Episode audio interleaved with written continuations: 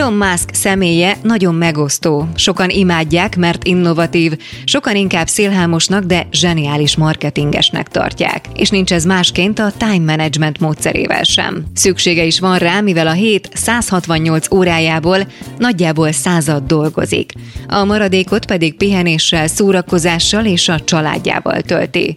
Ehhez az úgynevezett timeboxing módszert használja. Elon Musk a napjait 5 perces idősávokra osztja fel, majd megnézi, hogy mik lesznek a napi teendői, ezeket pedig beosztja az 5 perces sávokra. Így egy 15 perces feladat három sávot fog elfoglalni a naptárába, de egy egyórás meeting már 12-t. Egy-egy blogban semmi mással nem foglalkozik, csak arra az adott idősávra előírt feladattal.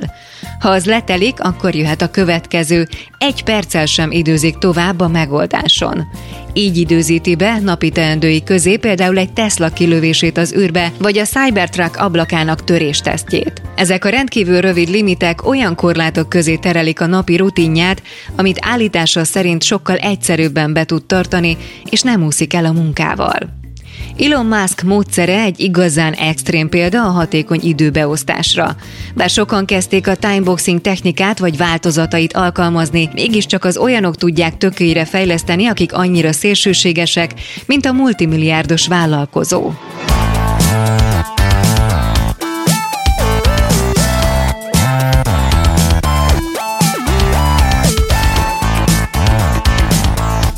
Legyél úttörő, legyél dinamikus, legyél agilis, változtas, digitalizálj, újíts.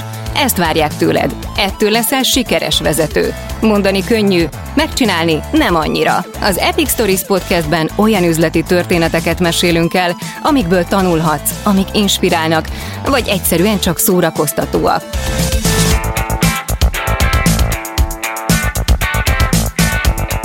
Ezt a műsort a Siva Force vállalati digitális transformációval foglalkozó cég indította, akik a legnagyobb banki és telekommunikációs szereplők üzleti kihívásain edződtek, itt pedig a magas szintű szakmai tartalomról gondoskodnak. Én Brigi vagyok, segítek elmesélni a történeteket, és érthetővé teszem azt, ami szerintem magyarázatra szorul. A szigorú time management stratégiák egyre több vezető életében jelennek meg, sőt, már van, ahol a vállalati kultúra részeként áthatják az egész szervezetet. De vajon egy ennyire bizonytalan és folyamatosan változó világban melyek azok a technikák, amik igazán működni tudnak? Ebben az epizódban erről beszélget Földházi Csaba, a Siva Force partnerigazgatója, Dobó Mátyással, a Vodafone vállalati szolgáltatások üzletág vezérigazgató helyettesével, illetve dr. Dura Mónikával, a Siva Force operatív vezérigazgató helyettesével.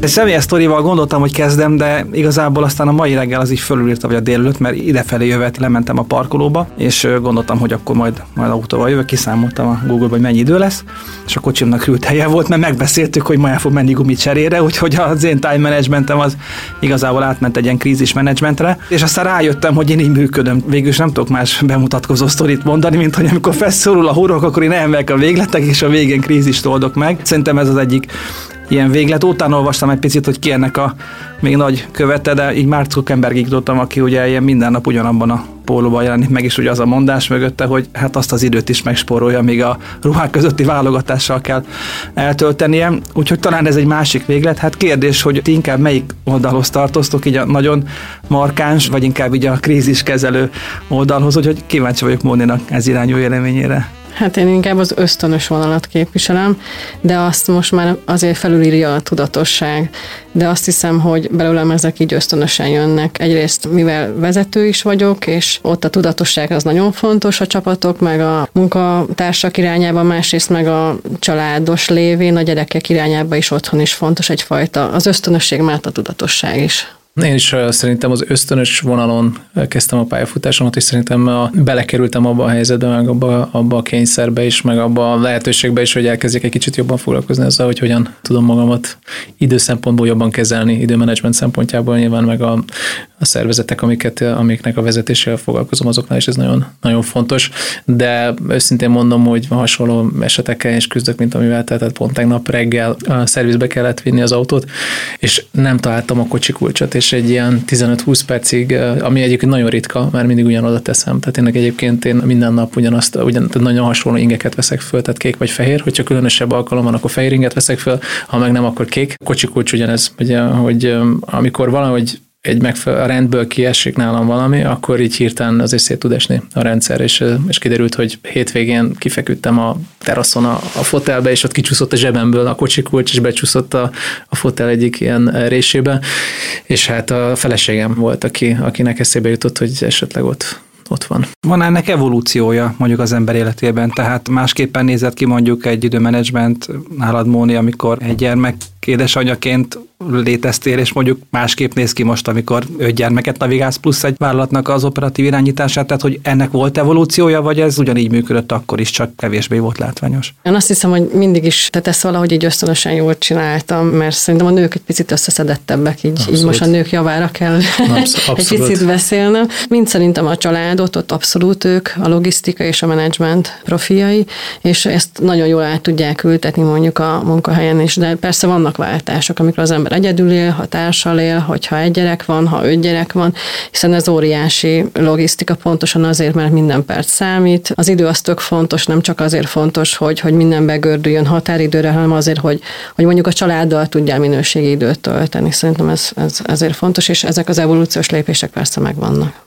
És majd jelen ugyanaz a time management logika működik az üzletéletben, mint a magánéletben? Vagy ez azért elválik, vagy éppen pont ugyanaz? Nagyon más nálam, de az én esetemben azért, mert a, feleségem hasonlóan professzionális time manager a, magánéletünkben, és ezért igazából azt kell mondjam, hogy a magánéletünket alapvetően ő szervezi. Az üzletben az időmenedzsmentnek az egyik legfontosabb elem, aztán nem is ez a napi, mindennapi ilyen apró rutinok, hanem azok a fókuszok, amiket ki kell jelölnöd magadnak ahhoz, hogy az idődet megfelelően tud alokálni, meg alokáltatni. Én alapvetően egy optimista alkat vagyok, és az optimista alkatoknak az a problémája, hogy azt hiszik, hogy minden belefér. Tehát ez is belefér, az a dolog is belefér, és nagyon, nagyon könnyen tud motiválni egy, egy inspiráló projekt vagy gondolat. És nekem egyébként ezzel kapcsolatban kell folyamatosan nyilván ez a személyiségemnek a része, ami egy pozitív dolog bizonyos szempontból, de bizonyos szempontból meg nehéz, és ezzel kell nagyon sok, tehát nagyon sok időt foglalkoznom, hogy akkor hogy folyamatosan definiáljam azt magamnak és a csapat számára is, hogy mik a legfontosabb dolgok, amikre koncentrálni kell, amire egyébként a legnehezebb része a nem, nemet mondás, mert nemet mondani azt nagyon-nagyon nehéz. Mindenki azt hiszi, hogy ez viszonylag egyszerű, de egyébként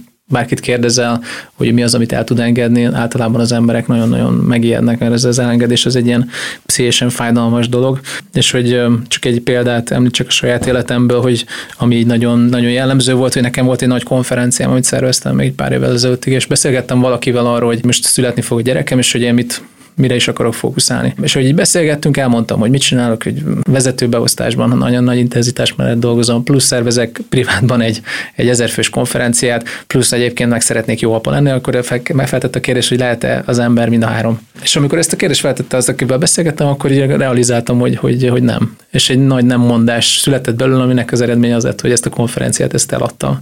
És most apa és felső vezető vagyok. Kérdés, hogy van ebben valami rutingyakorlat, ugye azt mondtad, Matyi, hogy nagyon sok ilyen dolgot, sorrendezés, célokat fejben pörgetsz, hogy ez minden fejben van, tehát mindenkinek fut a fejében egy ilyen, egy ilyen folyamatos algoritmus. Én ezt megpróbáltam, de nekem ez így nem jött össze, tehát fejemből nekem ez, ez kiesett. Ne, nekem se, én se vagyok ez a típus. Nagyon röviden nekem ez egy evolúció volt. Az első ilyen nagyobb lépés az volt, amikor amikor elkezdtem ilyen rendes feladatkezeléssel foglalkozni, elkezdtem feladatkezelőt használni, nekem erre szükségem volt, van nagyon sok embernek erre nincs szüksége, nekem, a, a, nekem azért nincsen ilyen nagyon erős memóriám, meg ahogy a személyiségem is ilyen nagyon optimista, könnyedén ugrálok balra és jobbra. És az egyik ilyen első nagy lépés az az volt, hogy elkezdtem feladatkezelőt használni, nagyon rá, rápörögtem erre a GTD módszertanra, ezt talán ismeritek, ez a Getting Things Done Könnyítsük meg azok dolgát is, akik szintén rápörögnének. Az öt alappillérből álló GTD módszer titka, hogy a munka megkezdése előtt a teljes folyamatot alaposan végig kell gondolni. Minden feladatot le kell írni. Aztán a feladatokat alfeladatokra kell bontani, ezt követi a rendszerezés, a priorizálás. Ha ez is megvan, akkor negyedikként jön a reflektálás, azaz az ellenőrzés, és persze végső pontként a feladatokat meg is kell csinálni. Akit bővebben érdekel, annak David Ellen Hatékonyság növelés stresszmentesen című könyvét ajánljuk. Mondjuk amikor megérkeztem ide a Vodafone-ba, akkor az volt az egyik legfontosabb ilyen kimenet, hogy azt szeretném, hogyha körülöttem lévő vezetők, azok olyannak látnának, hogy értem a bizniszt és elkezdtem azokat a dolgokat kezelni, menedzselni, amik, amik ahhoz kellenek, hogy az embert ilyennek lássák. És hogy ez mi, mi kell hozzá, mi kell hozzá, kell, hogy tud. Egy csomó minden. Hát eredmények, teljesítményvel. És akkor így ezeket így elkezdtem így le, lebontani, lemenedzselni, és így ennek mentén kezdtem el élni. Ez volt az egyik ilyen nagyobb, nagyobb blokk, de volt még jó pár ilyen. Úgyhogy szerintem ez, ez, ez mindenképpen fontos, hogy feladatok, kezelés valamilyen módon azért jó, hogy az ember le tudja, hogy mik a feladatai, leírja, ki is pipálgatja, mert ez meg egy jó érzés, kis dopamin reakciót okoz, ez tök jó. De hogyha ezt az ember csak úgy magába csinálja, akkor nincs értelme. Tehát ezek az ilyen magasabb évű céloknak a definiálása néha negyed évente, vagy akár, hogyha agilisban lehet, hogy ez akár még, még gyakrabban, hogy ezeket leírni, ez fontos. A napi munkában a saját munkátokat azt így most el tudom képzelni, de nyilván egy szervezetben ott van körülöttetek 50-100, több száz ember. Na ők vajon hogyan kapcsolódnak ehhez a fajta célorientált működéshez, Móni? Hát én szerintem az, hogy a kommunikáció az tök fontos, meg a jelenlét. Tehát a jelenlétet húznám alá, mert én azt gondolom, hogy úgy működnek a dolgok, hogyha minden nap ott vagy, és akkor minden nap ezt látják, és minden nap tudod kommunikálni, hangsúlyozni, erősíteni, hogy egyértelmű legyen a csapatok és az emberek számára, hogy mifelé haladunk. Ha valakiben kétség van, kérdés van, az azonnal megválaszolásra kerüljön. Vagy pedig, ami szerintem nagyon fontos, hogy a, ami a jelenlét nálunk például a Sivába, az a Gemba módszer, ami azt jelenti, hogy ott vagy minden nap. Na itt álljunk meg egy kicsit. A Gemba a vállalatszervezési Lean módszertanhoz kapcsolódó fogalom. Japánul azt jelenti valós hely. Eredetileg a gyárakban alkalmazták, ott, ahol az adott cég gyárt vagy értékesít. A lényege pedig, hogy a vezetők nap mint nap lemennek a placra, oda, ahol a valódi értékteremtés történik, hogy első kézből kapjanak képet a munkafolyamatokról. A Gemba módszer nem csak a fizikai, de a szellemi szférában is elterjedt, hiszen a vezetői jelenlét épp olyan fontos, ha szoftvert készítünk, mintha autót gyártanánk. A vezetők így ugyanazt a filmet nézik, nem csak akkor kerülnek hozzájuk az ügyek, amikor a probléma eszkalálódik, hanem azonnal tudnak választ adni, közbeavatkozni, ahogy a kollégák is tudnak kérdéseket feltenni, visszajelezni. És hogyha valakinek van elakadása, ez az eszkalációs idő, hogy ő elakadt, azt tudja eszkalálni, és utána a problémára tudjatok megoldást találni, hogy adjál neki felhatalmazás, hogy ő azt megoldja, és ez az egész megoldódjon, hogy ennek a körnek a rövidsége az, az meghatározza szerintem egy szervezet hatékonyságát, és mi erre figyelünk nagyon, hogy ezeket a köröket, akármilyen akadályok vannak, ezeket minél gyorsabban be tudjuk futni. Ugye általában ilyen szervezeti struktúrában gondolkodunk meg, meg processzekbe, de én valahogy az utóbbi időben egyre inkább ilyen emberi kapcsolatokban gondolkodom. És az egyik nagyon fontos elem számomra az, hogy azokkal az emberekkel, akik közvetlen kapcsolatban vagyok, azokkal a személyes kapcsolatot építsek, méghozzá olyan bizalmi kört építsek, vagy bizalmi légkört építsek, ami arról szól, hogy, hogy érezzék, hogy, hogy érdekel, hogy mi van velük. Tehát mi a körülöttem lévő emberekkel, mert hogyha érzik, hogy engem ez érdekel, és alapvetően akkor sokkal inkább rám tudják bízni azokat a problémákat, amikkel szembenéznek, és a korrekciónak a lehetősége is, is sokkal inkább ott van. Az energia a legfontosabb egy ilyen, egy ilyen körnek a működtetésében, hogyha az megvan, akkor onnantól kezdve egyébként az, hogy egy processz csinálsz, és ezt is felépíted, az szerintem egy rendkívül, az már azért fontos már, hogy egyébként a haladás az meg az kell, hogy, hogy az emberek lássák, hogy hol a cél, érezzék, hogy ők oda el tudnak jutni, lássák maguk előtt, hogy hogyan tudnak oda eljutni, tehát ezek meg a nyilván részei ennek a folyamatnak. De szerintem a kettőnk között a gondolkodás ott van, hogy te inkább stratégiáról beszélsz. Én meg sokkal inkább működtetem ezt igen, az egészet, és az operatív és a stratégia Abszolút. szempontból más, mert neked meg kell győznöd őt arra, hogy, hogy az miért lesz neki is, tök jól tudjon vele azonosulni, és higgyen benne, hogy te hiszel benne, és a többi. De a napi szintű, ez meg pont ennek a, a szürke hétköznapoknak, ennek, ennek a, az apróra váltása, ami sokkal úgymond favágóbb munka, és ezért ezért egy, egy picit másfajta ráhangoltságot igényel. Szerintem nem az operatív vezetők a legnépszerűbbek a, a cégekben, azt hiszem. Attól függetlenül, hogy meg lehet nekik az emberi hangjuk, vagy a stílusuk, vagy akármicsoda. Tehát, hogy, hogy sokkal inkább egy cégvezető, vagy egy stratéga sokkal népszerűbb tud lenni, hiszen ott kell a hitet olyan szinten átadni, hogy, hogy utána azt kitartson, Viszont én azt gondolom, hogy amit bizalom, az viszont egy közös metszete ennek a dolgoknak, hiszen a stratéga bízik az operatívban, az operatív bízik a csapatban, a csapat bízik benne, és ez, ez így szépen lebontódik. Nagyon sok esetben ez jól működött akkor, amikor ott voltunk mindannyian az irodában, és így elmentünk egymás mellett, és egymás szemben néztünk. Tehát ez a, ez a folyosói érzet így megvolt. Hogy tartható fent ez a fajta működés úgy, hogy ne csorbuljanak azok a, az elvek, amiket megfogalmaztatok, mind az operatív irányítás szempontjából fontos bizalom, mind a stratégiai menedzsment irányítása szempontjából fontos bizalom. Én nekem az a válaszom rá, hogy hogy indokolatlanul nagy mennyiségű időt kell látszólag direkt kimenet nélkül emberekkel beszélgetni online, videón keresztül. Tehát, hogy nagyon sok időt kell szánni arra, hogy az emberekkel a, maximális, az elérhető maximális mértékű, ugye jelen esetben egy Zoom call, vagy egy, vagy egy Teams, vagy Webexen keresztül nagyon nagy mennyiségű időt kell tölteni az emberekkel, és beszélgetni kell velük. Hát ez egyetértek, mert hogy a tapasztalás nálunk is pont ez, hogy, hogy a hónapok alatt elfogyott az a plusz töltet, ami, ami ugye benne volt a csapaterőbe, a, a, a bizalomba. Jöttek új, új csapattagok, mentek ki, tehát hogy ez, ez picit azért így felkavart ezt az egészet, és ezt, ezt abszolút újra kell építeni, vagy tovább kell mélyíteni ezeket a kapcsolatokat, és mi is ebben gondolkodtunk, hogy hogy lehet ezt a legjobban kötetlen beszélgetéseken át mondjuk ezeket a bizalmakat kialakítani az új csapattagokkal, vagy hogy lehet ezeket tovább mélyíteni, és akkor mi a Siva Force-ban azt találtuk ki, hogy, hogy ez a remote folyosói beszélgetés, ami pont arra való, hogy mindenkinek a menedzsmentből kijelöltünk tagokat, akiket elneveztünk patronusoknak, és nekik van bizonyos számú csapattag, akikkel külön foglalkoznak, mert hogy az egész céget nem tudod átölelni, de tudsz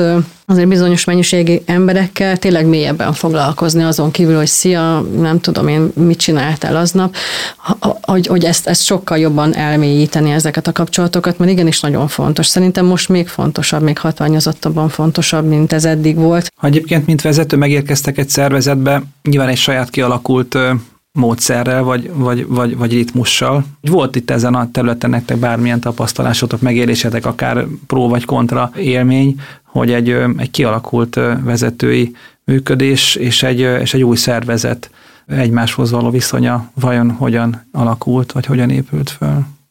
Hát volt persze, mert itt óriási komfortzónákat lépeget léptem át az elmúlt években. Tehát az, hogy én dolgoztam a NAV-ba, ott is egy, egy menedzsment oldalon, én jogász vagyok alapvetően, jogi területet irányítottam, perképviselet, stb. Ugye a NAV ez egy nagyon kötött rendszer, ott maga a jogásság is arról szól, hogy határidők, nagyon merev, jogvesztő, ha nem csinálod, meg nem lehet pótolni, stb. stb.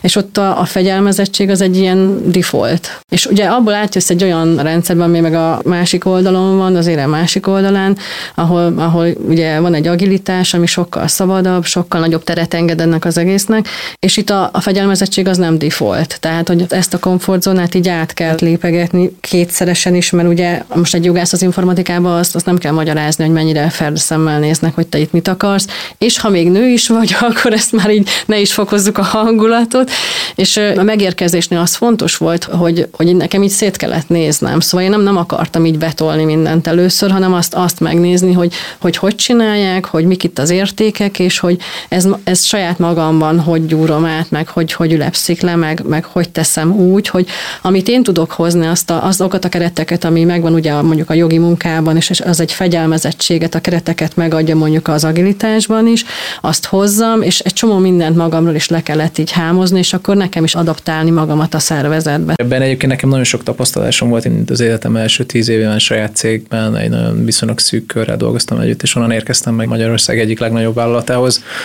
A legnagyobb különbség az az, hogy egy ilyen nagy vállalatban ilyen, ilyen cserekereskedelem zajlik, és hogy itt az emberek mindenféle erőforrásokat, időt, kommunikációt, stb. cserélgetnek egymással, és próbálnak célokat elérni, és kevésbé ilyen monetáris, meg ilyen tranzakcionális az ügy abban az értelemben, hogy, hogy ugye nem vásárolsz vagy adsz el, mint ahogy egy mondjuk egy KKV cégnek a, a tetején. A másik pedig szerintem, ami ilyen nagy tapasztalás volt számomra, az az amerikai, meg a brit kultúra versus német, magyar vállalati kultúra.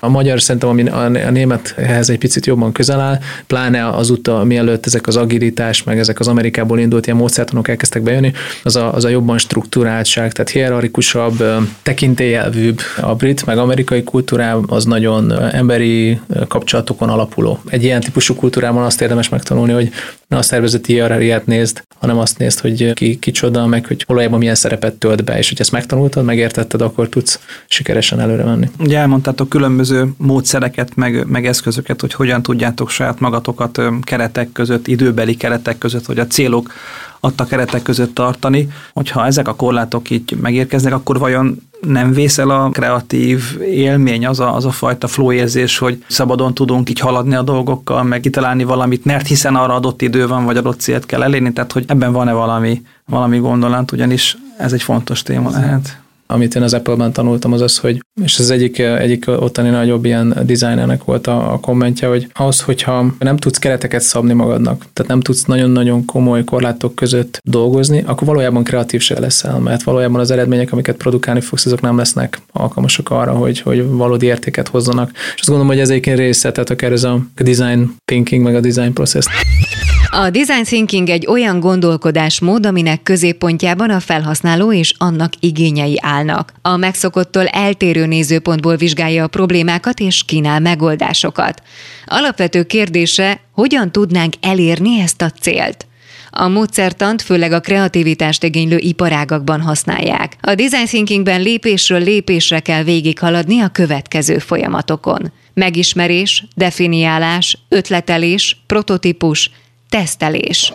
Szerintem egy nagyon érdekes, meg jó megközelítés, hogy a legkreatívabb szakmákban is a, a modern módszertanok arról szólnak, hogy folyamatosan változtatsz egy kreatív időszak, egy kreatív folyamat, amikor kitágítod a lehetőségeket, és, és lehetőségeket keresel, és azt, hogy ezt bezárod, és azt mondod, hogy leszűkítem arra a konkrétumra, amit szeretnék megvalósítani. És hogyha ezeket jól csinálod, akkor szépen lassan el fogsz jutni egy, egy életképes kimenethez. Én viszont egy hazai példát, egy családi példát tudnék hozni, hogy amikor kimész a gyerekkel a játszótérre, vagy akár otthon is játszotok, és jön egy következő etap, mondjuk a tanulás, akkor azt meg lehet beszélni, hogy figyelj, most játszunk, most ez van, de amikor szólok, hogy most már pakolni kell, akkor mindig azt a szabályt beszéljük meg, hogy bejelezzek, hogy 5 perc, 4 perc, 3 perc, 2 perc, 1 perc, és lehet, hogy ez az első alkalommal nem működött, és lehet, hogy még a harmadiknál se, de, de mondjuk tényleg a, a, az ötödiknél már, már tényleg mindenki tudja, a fiúk, a négy fiú, meg, meg az alma is, hogy, hogy akkor most már tényleg vége van, és akkor jön a következő etap. És ezt szerintem, hogyha értelmesen kommunikálod, ha ők ebben beleegyeznek, ezt a játékszabályokat, ezeket a kereteket együtt fogadjátok el, akkor ez nagyon élhető lesz. És szerintem a, a munkában ugyanez van, hogyha, hogyha ezt együtt alkotjuk meg a szabályokat, együtt rakjuk ki a kereteket, akkor utána nagyon élhető, és utána egy operatívnak könnyebb bejelezni, vagy egy, egy csapattagnak is könnyebb figyelmeztetni a másokat, és nem ilyen kényelmetlen cseszegetésé válik a folyamat. Abszolút, csak hogy erre csatlakozok, és megint vissza kicsit a munkavilágába, hogy tehát az ember saját magának kereteket szabni nehezen tud. És a, a jó, valójában egy jól működő szervezet, meg ahogy, ahogy te említetted a családban is, egyébként nagyon jó, hogyha az embernek van egy olyan pírja, aki a kereteknek a definiálásában tud visszajelzést adni. És igazából érdekes módon én azt vettem észre, hogy azok a nagyon jó szakemberek, meg azok a nagyon jó, azok tudnak nagyon jól operálni az életben, akik nyitottak arra, hogy ilyen visszajelzéseket befogadjanak. Kicsit olyan idealisztikus világnak képzelem, hogy mindenki minden keretet tud, és mindenki ezeket elfogadja, és ez, és ez egy ilyen nagyon, nagyon boldogságos világ, de azért én azt, azt sejtem meg, azt nyilván tapasztalom én is a napi munkában, hogy azért a, és már többször kimondtátok, hogy nemet kell mondani, tehát van az a pont, ahol fölkoppanunk arra a keretre, és, és ott vége, csak ugyan nem mondása az nem annyira népszerű. Tehát mi az a keret, amit egy vezető a nemek mondásával, vagy akár ilyen mondatokkal beszabályoz? Most valakivel személyes beszélgetés folytatsz, és éppen benne vagytok egy olyan flóba, ami, ami, amit nem szabadna egy ilyennel megszakítani, annak szerintem nincs értelme. Tehát ezt mindig inkább így érzéssel, meg értelem mentén tudnám elhatárolni, és, és ahogy mondom, az igen nemeket is abszolút így egyensúlyban kell tartani, mert nem attól lesz valaki jó vezető, hogy mindenben nemet mond, vagy mindenre igent mond, mert szerintem, ha mindenre igen mondasz, akkor a céljaidat, önmagadat is elveszített, ha mindenre nemet mondasz, akkor meg gyakorlatilag egy diktátor vagy. Tök érdekes, hogy ezt megint csak egy ilyen Apple példával jöjjek ott egyébként.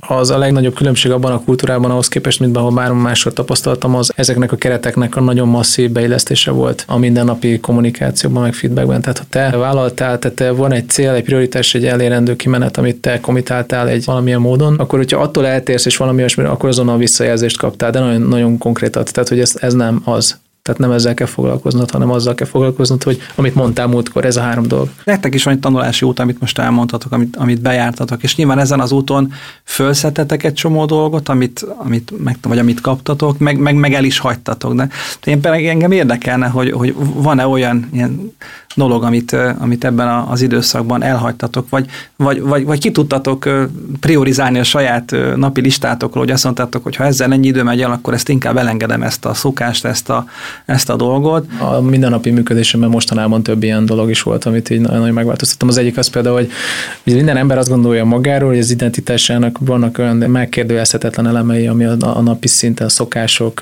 a cselekvések, hogy te mitől érzed magad jól vagy nem jól. És egyébként arra jöttem rá, hogy ezeknek a jelentős részt ezek ilyen fabrikátumok, tehát kitalációk. Mondok egy példát, én nagyon sokáig azt gondoltam, hogy attól lesz az életem jó, hogyha meg tudok nézni egy sorozatot, meg filmet, meg nem tudom micsoda, hogy attól lesz nekem. És őszintén egy, egy két évvel ezelőtt rájöttem, hogy igazából nem akarok ezzel időt tölteni, és elengedtem ezt a, ezt a dolgot, és azóta nem nagyon nézek egyébként, nagyon-nagyon kevés egy-egy filmet nézek meg, és alapvetően az az idő, amit felszabadítottam rá, azt, azt vagy, vagy alvással töltöm egyébként, amire most már sokkal nagyobb hangsúlyt fektetek, mint régebben.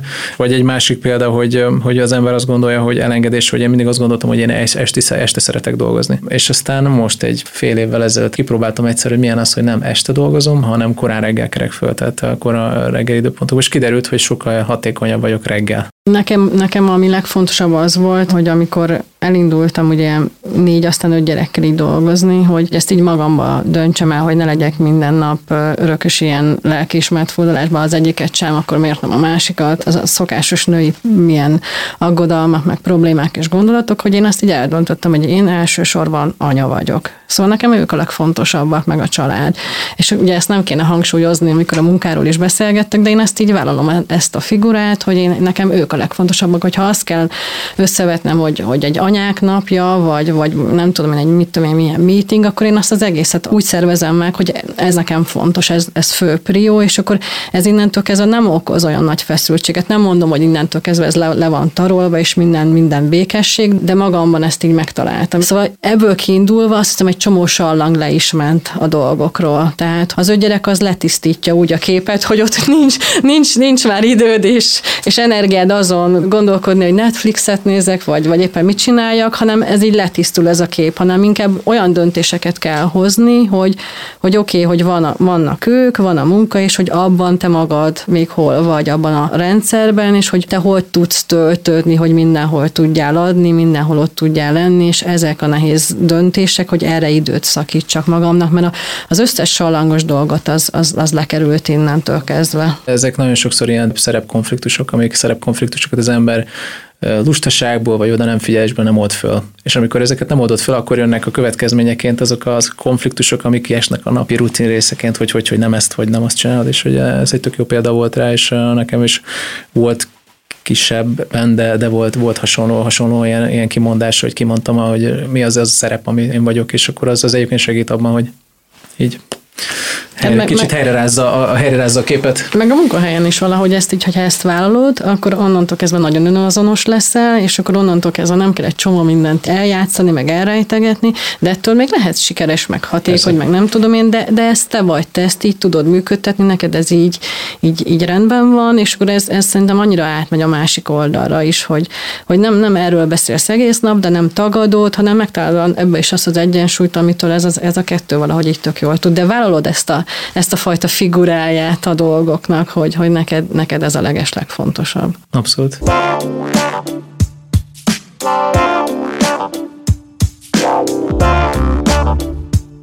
Ez a rész bebizonyította, hogy érdemes időt szakítani arra, hogy legyen mindenre időnk. Azaz megéri átgondolni, kidolgozni és kereteket alkotni a vezetőnek, de ugyanúgy a csapatnak és az egész szervezetnek.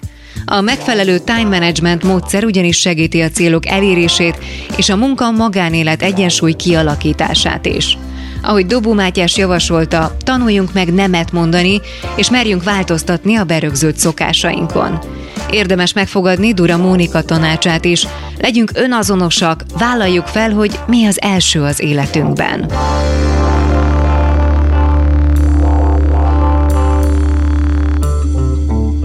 Ez a történet itt véget ért, de van még mit megbeszélnünk. Ha tetszett az Epic Stories, kövess minket a kedvenc podcast lejátszódban, és iratkozz fel az epicstories.hu oldalon, hogy ne maradj le az újabb epizódokról és a további inspiráló történetekről. Ha van egy tanulságos üzleti történeted, amit megosztanál velünk, küld el az epickukat címre. Az Epic Stories tartalmi koncepcióját Dojcsák Dániel készítette. A műsor szerkesztője Zádori László, a vezető szerkesztő Neizer Anita, a gyártásvezető Grüger Dia, a zenei és utómunka szerkesztő Szűcs Dániel, a kreatív producer Román Balázs, a producer pedig Hampuk Richard. Ordasi Brigittát és az Epic Stories-t hallottátok.